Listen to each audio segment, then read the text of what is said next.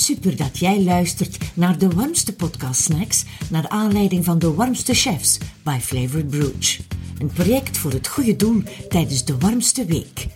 Ook Satellite Gourmet draagt haar steentje bij en helpt mee het project in Brugge te promoten. Mijn naam is Sabine Goethals en ik ben jouw host.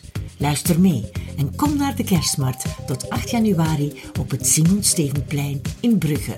Proef en steun. Ja, Ivan Tanuki, je bent al jaren chef van een Japans restaurant in Brugge. En hier sta je dus op het Simon Stevenplein ter gelegenheid van de warmste week, de warmste chef. Ook jij bent een warmste chef. Wat heb jij gedaan om, om dit project te steunen? Uh, ja, wij hebben uh, samen uh, met het restaurant dan curryrijst gemaakt. Japanse curryrijst. Dat is een hele zachte curry met kip. En heel gemakkelijk eigenlijk, of heel toegankelijk voor een beetje iedereen. Dus ja, heel goed verkocht en we waren heel content. Ja, voor je hebt blijkbaar een record aantal gerechtjes al verkocht. Een 200-tal. Ja, inderdaad. Ja, het was meer dan we dachten. Maar heel veel van onze klanten wisten dat we hier stonden en kwamen dat halen voor thuis op te warmen of voor de scholen. Wat vind je van zo'n project georganiseerd in Brugge? Uh, ik vind het fantastisch en ik vind het ook leuk als je elk jaar proberen we een goed doel te doen. Maar het zou, we proberen ook altijd te weten naar wie dat het gaat. Of als het iemand van onze omgeving is, is het veel leuker om, om daar je energie in te steken. Dus uh, als Christophe vroeg voor het, uh, voor het goede doel hier, dan waren we direct bereid. Maar alles gaat wel integraal naar het goede doel. Je moet er ook tijd aan besteden. Je moet even je restaurant alleen laten. Dat is, je doet het eigenlijk niet voor niks. Hè? En toch, die warmte. Ja, maar ik denk uh, belangrijk, ik doe dat nu zo lang, het restaurant. En ik denk als je iets kan geven, krijg je zo'n goed gevoel dat het toch heel leuk is als je af en toe een keer iets kan doen zonder iets terug te krijgen. In de zin van gewoon het goed gevoel van ik heb er iets voor gedaan. En dat, dat zal ik elk jaar proberen te doen. Of met de familie, met gelijk wie. Je moet altijd kunnen geven en dan het gevoel dat je dan krijgt, dat kun je nergens anders kopen of betalen. Ik heb je natuurlijk niet alleen gevraagd om even de podcast te doen deze week, maar ook om meer te weten over jou, Ivan, Ivan Verhellen van Tanuki. Als we even terugblikken naar het begin, hoeveel jaar run jij nu al Tanuki hier in Brugge? Uh, Tanuki zijn we begonnen in 1989, uh, dus de 33 jaar al. Uh, eerst een heel klein restaurantje met een vijftiental uh, couverts, met een open keuken en een teppanyaki-plaat. En daarna zijn we na een jaar of vijf zijn we verhuisd naar een beetje een groter restaurant. Maar ja, daar ook al uh, 27 jaar. Dus juist in de helft zeg ik altijd aan de mensen. Goed, maar als je 33 jaar terugkijkt en je begon hier een Japans restaurant. Ik neem aan dat niet iedereen zo direct zegt van wow, we gaan eens Japans gaan eten. Dat was toch voor jou een uitdaging? Ja, natuurlijk, maar we vonden Brugge een, eigenlijk een leuke stad om te wonen. We waren naar Tokio geweest, in Frankfurt gewoond en gewerkt. En eigenlijk wouden we niet meer zo in een hele grote stad werken of wonen. Zeker niet uh, een gezinsstichting. En Brugge vonden we zo leuk, dus dachten we, we gaan het maar uh, proberen. En uiteindelijk is het dan toch wel gelukt hoor. Ja, en je hebt je echt moeten kunnen overtuigen dat zij meekwam naar hier. Was dat geen grote stap voor haar toen? Jawel, maar je voelt toch wel, uh, als je met twee er niet, niet 100% achter staat, kan je denk ik in onze sector, maar misschien ook in vele andere sectoren niet, uh, een, goed uh, een gezin starten en, en ook nog een bedrijf runnen bij manier van spreken. Doe je het vak nog altijd even graag als 33 jaar geleden? Ja, zeker. Ik denk, uh, we doen het zeker nog zo graag, want je krijgt heel veel dankbaarheid van de klanten terug. Elke dag opnieuw zijn er mensen die zeggen het is super lekker, het was een hele leuke dag of heel mooi kader. Dus ik denk, onze job is fantastisch, maar het wordt wel elk jaar moeilijker en moeilijker in de zin van uh, ingewikkelder, zal ik maar zeggen. Uh, en ik denk voor de jonge generatie nog moeilijker uh, dan voor on in onze tijd was het allemaal nog een beetje simpelder op dat vlak. Hè? Kun je eens wat meer in detail gaan wat je bedoelt met het wordt ingewikkelder? Uh, administratief worden ons veel regeltjes opgelegd. Ook naar hygiëne, naar personeel toe. Heel veel dingen die misschien op grote schaal in grote bedrijven zeer goed zijn, maar niet altijd dezelfde realiseerbaar zijn in een klein restaurant en met dezelfde verschillende mensen. Dus ik denk niet zo gemakkelijk voor de overheid om het ook juist allemaal in de juiste vakjes te leggen, maar ja, we doen ons best en met een beetje goede wil en als de overheid ook een beetje meewerkt, dan lukt het allemaal tot nu toe. Ja, we hebben natuurlijk wel het een en ander meegemaakt, vooral hè, voor, maar zeker tijdens de coronacrisis. Jullie als horecamensen hebben het hard te verduren gehad. Maar daarentegen heb je ook moeten heruitvinden, denk ik. Ja, inderdaad. Uh, tijdens de corona begin je na te denken. In het begin vindt iedereen het wel een keer leuk dat je niet moet werken en dat je een beetje kunt van alles en nog wat doen. Maar als het dan te lang duurt, dan begint het toch wel terug te prikkelen. En ook, ik kwam dan elke avond in het restaurant beneden en dan ja, alles was uh, verpakt en alles was al de toestellen uitgezet. Het leek wel een beetje een kerkhofsfeer. Dus het was echt niet goed en ik voelde mij ook niet meer goed op de duur. Dus ik was blij dat we terug kosten uh, met uh, takeaway beginnen en terug mensen zien die we kennen. De mensen omgekeerd ook blij. En ja, nu zijn we ook wel bepaalde conclusies getrokken. We zijn een beetje meer gesloten, een halve dag meer gesloten om wat tijd te hebben de zondag voor de familie. En dan ook nog uh, een beetje kleinere menukaart. En de mensen kunnen het accepteren dat je niet meer met de 30 gerechten uh, op de kaart staat, maar enkel een paar suggesties van de dag. Als ze maar lekker zijn en vers zijn, dan is het goed. Ja, Ivan, je bent niet de eerste chef die dat zegt, dat je inderdaad moet herdenken dat je best naar iets kleiners mag gaan, dat het niet zo exuberant meer hoeft te zijn dan vroeger. De gastronomie is toch enorm veel geëvolueerd in de laatste jaren? Ja, zeker en vast. En we zien ook wel dat in feite de gastronomie zoals wij ze doen, uh, echt wel persoonlijker en persoonlijker wordt. Aan de tegenovergestelde kant heb je dan heel veel nieuwe, jongere ketens of uh, bedrijven. Vroeger had je Pizza Hut, McDonald's en daar stopte het zo ongeveer mee. Nu heb je tientallen nieuwe, inventieve uh, uh, groepen of ketens die van alle landen, Aziatisch of Amerikaans, maken. En die ook wel zeer goed zijn. En daar kun je niet tegenop. Dus je moet wel individueel zien dat je, als je iets doet, dat je het echt wel doet wat dat iemand anders niet doet. En dan gaan de mensen ook blijven komen en het ook appreciëren. Van weet je nog, toen je Tanuki opstartte, daar had je toch bepaalde voorwaarden. Want als je zegt, ik ga een Japanse keuken openhouden, wat waren voor jou zo de belangrijkste ja, voorwaarden om dit te kunnen doen, Japanse keuken? Ja, heel belangrijk was bijvoorbeeld, uh, de mensen verleken ons altijd een beetje met Chinese uh, restaurants. Dus hadden ze wel graag frietjes soms een keer, dus dat, dat was zeker niet te doen. Uh, brood voor de saus te doppen, dat werd ook heel regelmatig gevraagd. Ja, dat waren dingen dat we zeiden, dat kan niet. Er waren ook geen nummertjes op de kaart, gelijk bij de Chinezen. Dus, de mensen moesten wel leren het lezen van het Japanse kaart. En ook leren sushi eten of uh, sashimi eten. Maar met de jaren is dat toch wel allemaal gelukt en gegroeid. Dus geen probleem meer de dag van vandaag. Je zegt het daar, als men denkt aan Japans eten, dan zegt men sushi. Maar het is meer dan dat toch? Ja, inderdaad. De sushi in Japan is eigenlijk maar een heel klein gedeelte. En Japanners eten af en toe een keer sushi, maar je kan het een beetje vergelijken met mosselen van bij ons. We eten graag de mossels, maar we gaan niet de dag, elke dag mosselen eten. Dus sushi is ook voor Japanners is uitzonderlijk. Een keer op restaurant sushi's gaan eten, als ze op reis gaan sushi's eten. Maar thuis zullen ze nooit geen sushi's maken. Te ingewikkeld, te dure producten. Dus eigenlijk echt wel een restaurant eten. Maar in Japan is sushi maar een 20 of een 30 procent van hun globale keuken natuurlijk. Ja. En wat zijn daarnaast de typische Japanse ingrediënten van de keuken? Ik neem aan ook veel vis. Ja, ja ze eten toch wel 80 procent vis. Dan veel kip, een beetje varkensvlees en rundvlees ook. Heel lekker, maar heel duur. Dus... Maar hoe ga jij het dan bereiden in jouw restaurant? Om te zeggen het is typisch Japans. Uh, ja, bij ons uh, oftewel uh, een tempura bijvoorbeeld. Hè, of een paling die gegrild wordt met een teriyaki saus. Of uh, teppanyaki, ook heel uh, populair in Japan. Uh, heel lekker ook. misschien wel de, de, de, het gerecht dat het is bij onze keuken staat. Hè, omdat het gebakken wordt en met een sausje opgediend wordt. Ja. Ik hoor het vaak ook zeggen dat je soms indrukken in het buitenland moet gaan doen. Dus dat heb jij gedaan. Je hebt het in Tokio allemaal geleerd.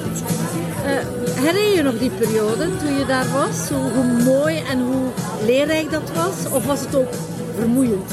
Ja, we, we hebben wel hele goede herinneringen natuurlijk. En het was ook wel vermoeiend en uitdagend, omdat je had nog niet uh, contactmogelijkheden uh, met thuis. Eén keer per maand mochten we 10 minuten bellen, hè, dat was het. als het lukte, want soms lukte dat ook nog niet. Dus geen gsm, geen, ja, geen, geen connectie anders. Dus het is wel vermoeiend, maar ik had geluk dat mijn vrouw erbij was met twee sta je toch sterker. En als er één een keer een dipje heeft, kan de andere dat wel uh, terug motiveren en dan ga je er weer voor. Maar natuurlijk, ik zeg altijd aan de jonge mensen, ga naar het buitenland, leer iets. En het enige dat je moet onthouden zijn de goede dingen. En de, de, slechte dingen of de minder leuke dingen, laat ze rap vallen. Hey, onthoud de goede dingen, leer daar iets uit en dan kom je wel met een goed idee terug. En het is ook wel zo, denk ik. Je hebt enerzijds Japanse eetcultuur, maar de cultuur op zich in Japan, dat is ook heel bijzonder. Hè? Hoe zij daar leven, hoe zij daar wonen. Wij wonen toch iets jachtiger, denk ik. Of uh, leven iets jachtiger. Ja, ik denk Japanners zijn misschien wel rustiger in hun privéleven, maar op het bedrijfsleven zijn ze ook heel druk. Ze hebben wel het grote voordeel dat ze één land zijn met één taal en één cultuur. En daardoor zijn ze heel homogeen op hun werk of thuis. En ze begrijpen ook elkaar heel goed. Ik denk, wij in Europa hebben het, toch in België hebben het soms wel moeilijk om moet ik zeggen, met veel culturen samen te leven. En ja, we hebben altijd een vooroordeel naar de een of de andere cultuur. In Japan op dat vlak is het wel veel homogener, ja. ja, ja. En heb je dit ook meegenomen naar Brugge dan? Van oké, de rust uh, of dan toch weer die bedrijvigheid? Ja, je kunt dat meenemen, maar je hebt daar geen impact op. Soms, ja, soms laat de bedrijvigheid toe en dan moet je gewoon uh, overmeesteren of uh, erover gaan en dan komt dat wel goed hoor.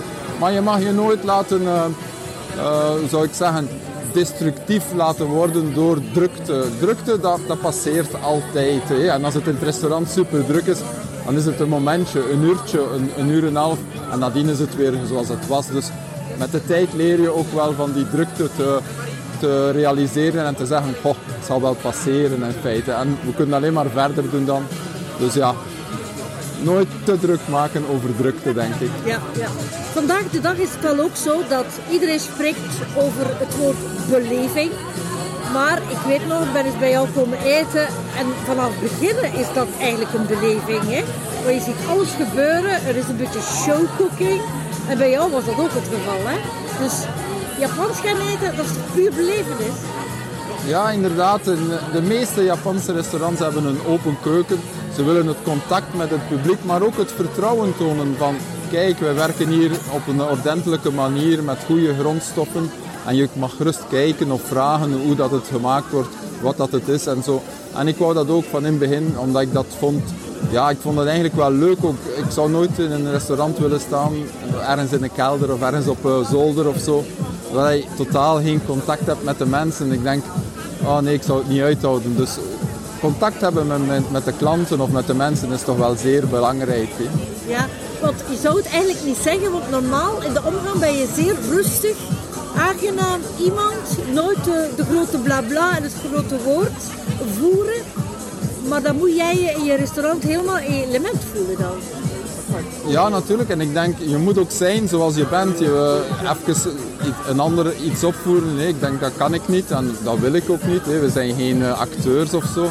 Dus je moet echt zijn hoe dat je bent. Maar soms kan het ook wel uit de hand lopen. Hè. Dan is, heb ik nog mijn vrouw die, die me wel regelmatig een keer een tikje... uit de hand? Is er ooit iets ja, gebeurd? dat je je druk maakt over iets of zo. En dan heb je natuurlijk een echtgenote die wel ziet, uh, ja, dat gaat hier niet goed, hè. we moeten daar recht zetten. En dan komt ze wel tussen de twee, gelukkig maar. Ja. Daarvoor heb je ze ook al. Hè. Ja.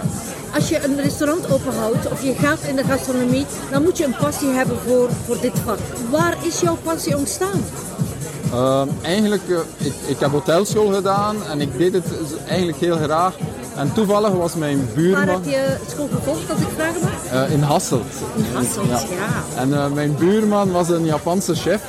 En ik ging een keer gaan eten bij hem. En ja, ik zag wel dat dat is fantastisch wat die mensen qua techniek, qua, qua finesse hebben. En dan is toch wel degelijk de vonk ontsprongen. En ik wou het wel heel grondig leren. En hij heeft mij dan geholpen om naar Japan te kunnen gaan. Om daar twee jaar de Japanse keuken te leren natuurlijk. Ja, want ik denk ook wat heel belangrijk is in die keuken is die puurheid van die ingrediënten. Hè? Niet te veel sausjes eromheen of zo, of wel een dipsausje misschien, maar echt hoe een product is, moet je ook smaken in je bord. Klopt het? Ja, ja zeker en vast. Hè. Er is een, uh, Japanse gezegde die, die eigenlijk in de gastronomie van toepassing is en daar zeggen ze als het super lekker is, als het super vers is, dan is het rauw te eten. Is het niet meer zo vers, ja, dan moet je er ergens uh, een beetje grillen of een beetje bakken. Als het nog niet zo goed is, dan moet je het eerst stomen en marineren. Dus Japanners willen altijd het product puur laten proeven als het kan, hè. Zo, zo goed mogelijk. Hè. Enkele als het nodig is, omdat ze op reis gaan of omdat het op verplaatsing is, gaan ze het bewerken of niet. Dus kort bereiden is zeer belangrijk en altijd het product zichtbaar in het bord zien zonder veel camouflage, zullen we maar zeggen. Niet naar smaak, maar ook niet naar producten. Ben je ondertussen ook geëvolueerd in je keuken qua kookstijl? Um, ja, ik denk je evolueert omdat er nieuwe toestellen uitkomen met nieuwe technieken. En ik, ik sta er altijd voor open. En het is ook leuk dat je meegaat met die toestellen. Want 30 jaar hetzelfde doen zou niet lukken. Maar toch zijn er bepaalde dingen die zo goed zijn dat de mensen of de klanten zeggen nee, dat willen we nog eens proeven. Of dat we... En dan moet je het ook maken zoals het vroeger was. Wat is bijvoorbeeld een constante buiten de sushi dan? Uh, bijvoorbeeld gegrilde paling is constant. Uh, yakitori zijn kleine brochetjes met een zoete saus. Ja, dat is echt een klassieker. Hè? Zoals bij ons een vol of een stoofvlees. Hè? Dus, maar als je het maakt, goede producten. Wij gebruiken Mechelse koekoek bijvoorbeeld voor de kip. Hè? Dus dan krijg je ook wel lekkere brochetjes. Hè? En niet zomaar kippenbrochetjes die niet uh, zonder smaak zijn. Hè. Dus belangrijk, belangrijk. Maar blijf soms bij de klassiekers en probeer altijd de nieuwe dingen te volgen, maar ook erin mee te gaan natuurlijk, hè, qua techniek. Er zijn natuurlijk ook veel chefs die vandaag de dag uh, klassieker koken, Frans koken of wereldkeuken hebben met Japanse invloeden. Is dat bij jou ook omgekeerd misschien zo dat jij ook andere invloeden meeneemt van onze Belgische keuken, Franse keuken of blijf je puur Japans? Uh, nee, we blijven eigenlijk wel puur Japans, maar het wil niet zeggen, bijvoorbeeld mijn rundvlees dat ik nu gebruik is uh, West-Vlaams rood, hè, omdat het gewoon super lekkere filet zijn. Dus je kan eigenlijk wel Japans koken met Noordzeegarnalen, met pladijs van bij ons, met griet van bij ons. Waarom niet? Hè? Je moet het niet verder zoeken. Maar de bereidingswijze of de techniek zal altijd Japans blijven. Eventjes over uh, Brugge, gastronomische stad. Is dat zo? Ja, ik denk Brugge is een gastronomische stad, maar ik zie ook wel dat in de, in de, met de jaren de wereld gewoon kleiner wordt. Dus overal is het gastronomisch aan het worden. Als je ziet Zuid-Amerika, 30 jaar geleden, ja, iedereen dacht het oerwoud en voor de rest niks. Maar nu zijn daar ook toprestaurants met top. Dus het, eigenlijk Hans de wereld wordt één grote stad bijna op dat vlak. Gastronomie is wereldwijd en de invloeden, zowel in Japan als hier of omgekeerd, is, is gewoon aanwezig, constant. Iedere sterrenchef heeft wel ergens Japanse dingen op zijn menu of zijn drankenkaart. Sake. In iedere toprestaurant wordt er sake geserveerd. 30 jaar geleden moesten wij de mensen leren sake drinken. Hè. Dus het evolueert wel, maar de wereld wordt kleiner op Je dat bent vlak. daar niet rauw van, denk ik.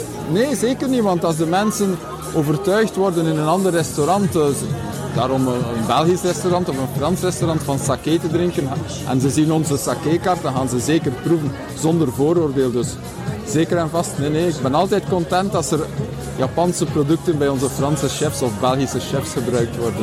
33 jaar geleden, het zijn er nog die het zeggen, was het ietsje makkelijker om een zaak te starten. Vandaag is het al wat moeilijker. Is het vandaag ook moeilijker geworden om het vol te houden? Ja, ik denk het is moeilijker geworden en we zien ook dat de winstmarges gewoon krimpen elk jaar. Hè. Eh, eh, ik denk de gouden jaren van in het begin dat wij bezig waren, dat ging veel gemakkelijker. En je dacht ook puur aan groeien als, het, als, je, als je genoeg klanten had. En dat ging, dat was altijd een automatisme. Genoeg volk kost ook meer groeien. Nu moeten de chefs of de jonge mensen al nadenken, kostenberekeningen maken, eh, leningen die ze moeilijker krijgen. Dus voor jonge chefs is het echt wel niet weggelegd, denk ik, de dag van vandaag. Zeker niet in België met een hoge loonkost ook nog erbij. Dus ja, Stel dat jij opnieuw zou starten, zou je het op dezelfde manier starten als 33 jaar geleden of zou je het anders aangepakt hebben? oh, misschien zal ik op dezelfde manier starten, maar ik denk je zou het niet eh, 33 jaar op dezelfde manier kunnen volhouden. Dat is een verschil, denk ik. Ga je nog vaak eens terug naar Tokio? Ja, om de drie of vier jaar gaan we terug naar Japan, naar Tokio. Eh, ik, dikwijls werk ik nog een tijdje in het restaurant, nog een paar dagen, om terug een keer mee te draaien. En een keer, ja, het is altijd een leuke ambiance. Kinder ter plaatse dan? Ja, en een paar van de, eh, van de jonge mensen zijn daar nu nog altijd aanwezig. Dus ja, dat, die vinden dat fantastisch. Uh, Ga je dan altijd naar dezelfde plek? Ja, we gaan altijd naar, Waar is dat dan? altijd naar Tokio om te beginnen. En ik heb daar een gezin, een goede vriendenkring. En ik, wij slapen dan bij die mensen en die zijn super blij dat we daar zijn. Maar dan van daaruit gaan we dan regelmatig nog een keer bezoeken op mensen die vroeger bij mij gewerkt hebben. Of ergens iets bezichtigen of bezoeken een bedrijf of een, ja, iets wat we toch dachten, dat moeten we toch een keer gezien hebben. Dus er is altijd wel iets te vinden. Dan moet je toch wel eens een mooi verhaal of anekdote te vertellen hebben. Is er niet iets dat je zegt van, wauw, dat heb ik eens meegemaakt en dat was toch bijzonder? Hoe mooi dat land wel is, Ja. bijvoorbeeld? Ja, bijvoorbeeld ik heb een keer een, eh, een bezoek gedaan aan, een, eh, aan een, iemand die messen maakte, zwaarden maakte, maar hij maakte ook messen. En eh, hij toonde de messen, maar op een bepaald ogenblik zei hij, kijk, zegt hij, we gaan straks een keer een zwaard maken. En we zijn bezig met, met dat eh, op te warmen, het vuur op te warmen en zo. En ik ging gaan kijken samen met hem en mijn vrouw, we waren met zes mensen. En daar was een jongen helemaal zwart. Ik dacht eigenlijk eerst, ja, wat is dat hier? Maar die jongen was eigenlijk zijn eh, leerling. En die moest eh, letterlijk bijna op de grond het vuur aanmaken voor de smid. En hij klopte dan het metaal voor het zwaard. Enkel het metaal. En uiteindelijk bleek het dan toch eh, het zwaard te worden voor een hele bekende Japanse film. Met een Amerikaanse acteur. En eh, eigenlijk, als je dan bekijkt, die man maakte enkel het staal, het zwaard. En dan komen er nog tien andere eh, perfecte mensen die het heft maken, die het zwaard slijpen en blinken. Dus eigenlijk ongelooflijk wat een energie daarin gestoken wordt. En ook wat een, een tijd. hiërarchie? En ook een hiërarchie. Hè. Er zijn misschien nog een tiental goede zwaardenmakers in Japan en zij zijn allemaal iconen. Hè. Zij zijn ook allemaal levende monumenten. Zoals bij ons een huizenmonument kan zijn, kan in Japan ook een mensenmonument zijn. En hij krijgt dan ook steun van de overheid om zijn kennis door te geven aan jonge mensen. Zoals het hoort. Ja. Fantastisch. Dus als we met z'n allen naar Japan gaan, dan moeten we zeker Tokio doen. Ja, ik denk Tokio is een hele leuke stad. Maar probeer toch ook een beetje de boeren buiten, ga ik maar zeggen. Eh, het is echt veel natuur nog in Japan. Heel andere levensstijl of levensritme dan eh, in de grote Daarom steden. niet arm. Nee, zeker niet arm, maar gewoon simpelder en, en rustiger. De mensen hebben tijd, de mensen zijn super vriendelijk. Het is er warmer van, van hart en ziel, dus zeker ook de buiten en de natuur bezoeken. Oké. Eh, Ivan, heb jij nog bepaalde ambities of uitdagingen nu met Tanuki? Of ben je blij zoals het gaat? Nee, ik ben blij zoals het gaat en ik denk uh, het was een uitdaging om opnieuw op te starten na de corona. Nu is het weer een uitdaging met de olieprijzen en de gasprijzen.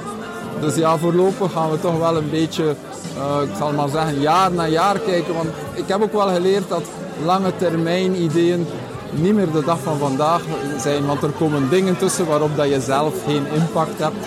En uh, dan leer je wel van, oei, ik dacht het zo of zo te doen, maar als corona komt of als de oorlog komt, dan is er toch een andere impuls of een andere impact op je zaak. En je moet daarmee leren omgaan, dat is het. Stel dat jij vandaag het beste Japanse gerecht mag klaarmaken voor mij. Hè? Hala, yummy. Wat zou dat zijn? Wat zou je mij zeker voorschotelen? Beginnen met een paar sushis. Hè?